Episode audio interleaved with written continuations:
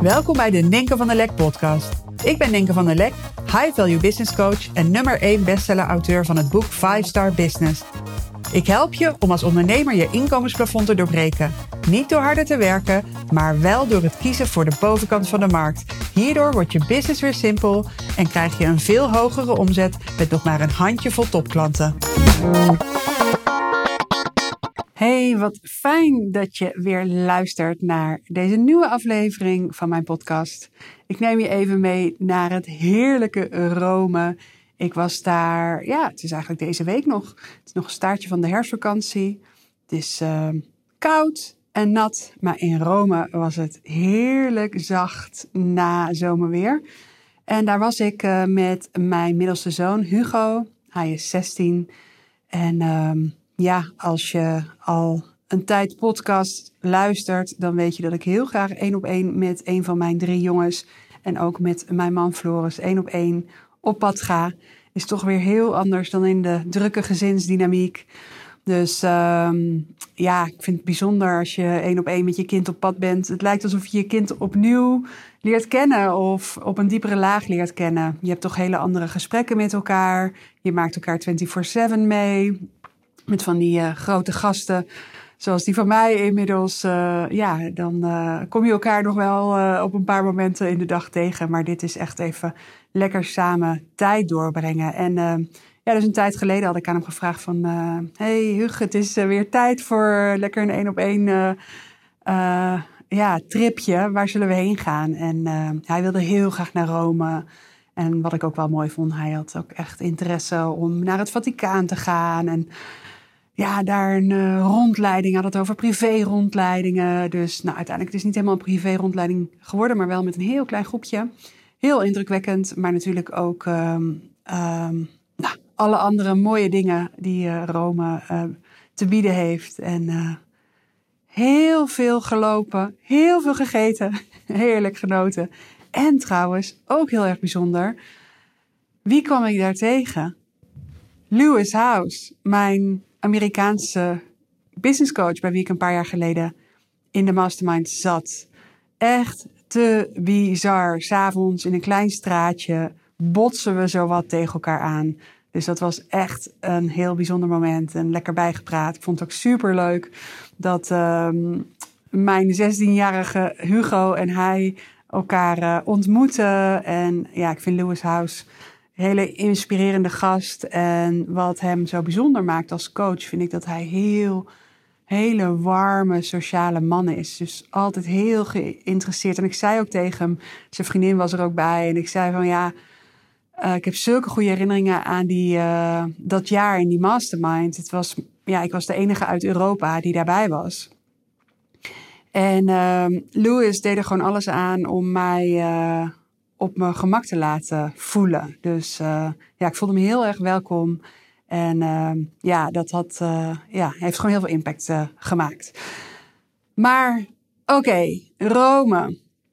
Um, ik weet niet of je wel eens in Rome bent geweest. in ieder geval, ik was er een jaar geleden ook. Toen was ik er met, met Floris, mijn man. En toen was ik daar omdat uh, Aart-Jan van Erkel een mastermind organiseerde over copywriting in Rome. En uh, zijn vrouw komt uit Rome. En uh, zo um, ja, gebeurde het dat hij dus die mastermind in Rome, Rome organiseerde. En wat toen heel leuk was, is, uh, ja, ik ging daarheen. Maar voorafgaand aan die mastermind had ik volgens mij vier, vijf dagen met Floris. één op één. Mijn man dus. En nou, dat was ook heerlijk genieten. Heel veel lopen, heel veel bekijken, heel veel zien, heel veel eten, heel veel genieten. En als je in Rome bent geweest, dan ken je misschien wel die buurt. En ik heb geen idee of ik het nu goed uitspreek, maar zeg Trastevere. Nee, klinkt, aardig, aardig goed, hè? Um, maar Trastevere, volgens mij zeg je het zo. Maar dat is die buurt aan de over, in ieder geval in mijn beleving aan de overkant van de brug. En um, daar heb je zo'n pleintje. En daar staat s'avonds zo'n oude rocker. En dat was vorig jaar al. Elke avond stond daar een oude rocker de ene cover naar de ander te spelen en te zingen. En uh, op dat pleintje uh, ziet het gewoon zwart van de mensen. Dus daar staat een enorme kring aan mensen om die oude rocker heen. En allemaal mee te zingen, mee te klappen en vaak ook mee te dansen. Dat is echt elke avond een feestje. Dus ja, de eerste keer rolden wij er een beetje per ongeluk in. Maar wij zijn toen elke avond bij de rocker gaan kijken en lekker meezingen. En nou, was eh, gewoon echt genieten. Deze keer, um, ja, niet onbelangrijk is trouwens dat, uh, ja, weet je, niet, niet was het daar alleen maar heel erg druk. Maar die, die gast die had gewoon een, um, ja, zo'n hoes van zijn gitaar zo voor zich liggen. En er werd zoveel geld gegeven aan die man. Het was zo'n entertainer en mensen bleven daar gewoon heel lang op dat plein staan erbij. En ja, je kent wel zo'n straatmuzikant en dan zie je bijvoorbeeld zo'n koffer die open staat en dan zie je wat muntjes en dit. Het lag helemaal uh, vol uh, briefgeld ook, weet je. Zo'n echt zo'n enorme stapel. En ook grappig, het is gewoon, uh, ja, dat pleintje, een enorme mix van type mensen. Dus heel veel toeristen natuurlijk, maar ook Italianen, locals. Maar ook echt van, dat, ja, van die halve junken of hele junken. Maar iedereen danst en zingt daar door elkaar. Dat is echt heel erg leuk. Maar die gast, die, die, die is daar elke avond. En dit is waar hij van leeft. En uh, nou, hij doet het hartstikke goed. En dit jaar was ik dus met Hugo in, uh, in Rome, deze week dus nog. En um, ik zei, uh, toen op een gegeven moment s'avonds hadden we ergens gegeten. Ik zei, kom, we gaan nog even langs een pleintje. Moest een half uurtje lopen of zo. Maar daar staat misschien wel de oude rocker. En wij daarheen, en ik hoorde het al in de verte, het was de oude rocker. Maar waar de oude rocker vorig jaar nog in zijn eentje stond, met zijn gitaar en zijn uh, gitaarhoes uh, vol, uh, vol geld, stond er nu iemand bij, een basgitarist. En hij had een of andere lichtstellage aangeschaft. Dus alsof het een soort discolampen op, op wieletjes. En uh, ik stond ernaar te kijken en het deed me aan iets denken wat ik ondernemers ook vaak zie doen. Want ja, de oude rocker die verdienen dus hartstikke goed in zijn eentje. Um, met zijn gitaar, met zijn uh, coverrepertoire. En dat werkte heel erg goed. En nu was daar ineens iemand bij die basgitaar speelt, die ook betaald moest worden. Maar het is niet zo dat de basgitarist voor het succes zorgde. Nee, het was nog steeds de rocker, zijn zang, zijn gitaarspel, zijn entertainment, wat het succes bepaalde. Maar ook die lichtstallage. Het is nou niet zo dat ik vorig jaar dacht: jeetje, wat staat die gast in het donker? En um, nou, dit is wel een beetje een middelmatige performance. We missen echt nog uh, extra entertainment in de vorm van licht.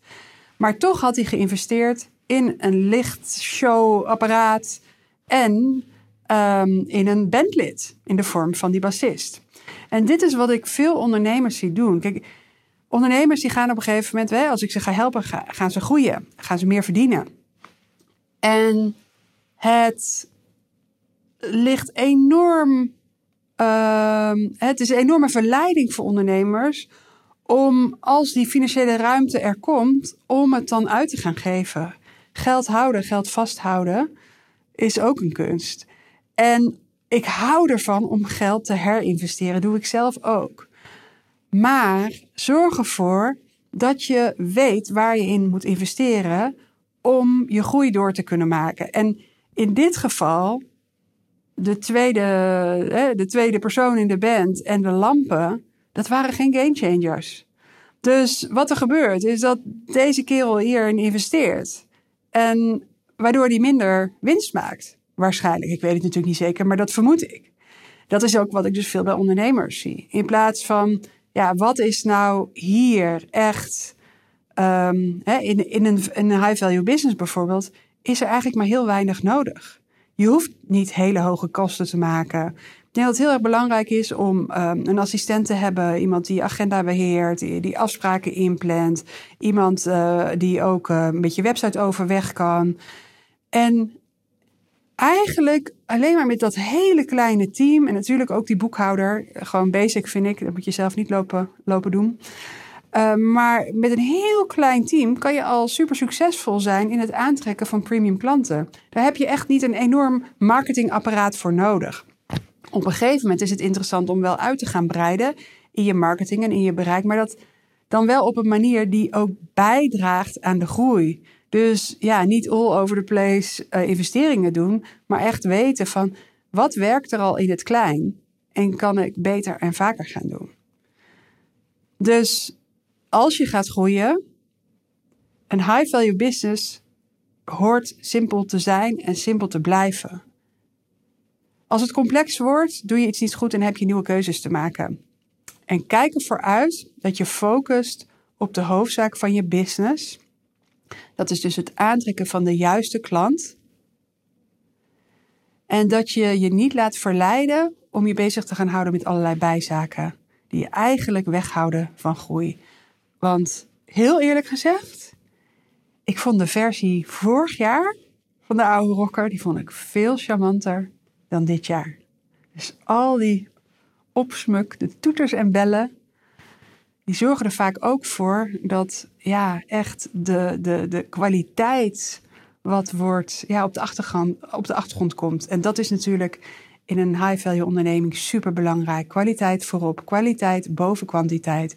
En het mooie is, als jij gaat focussen op kwaliteit, dan komt er vanzelf een periode waarin je kwantiteit van kwaliteit gaat krijgen.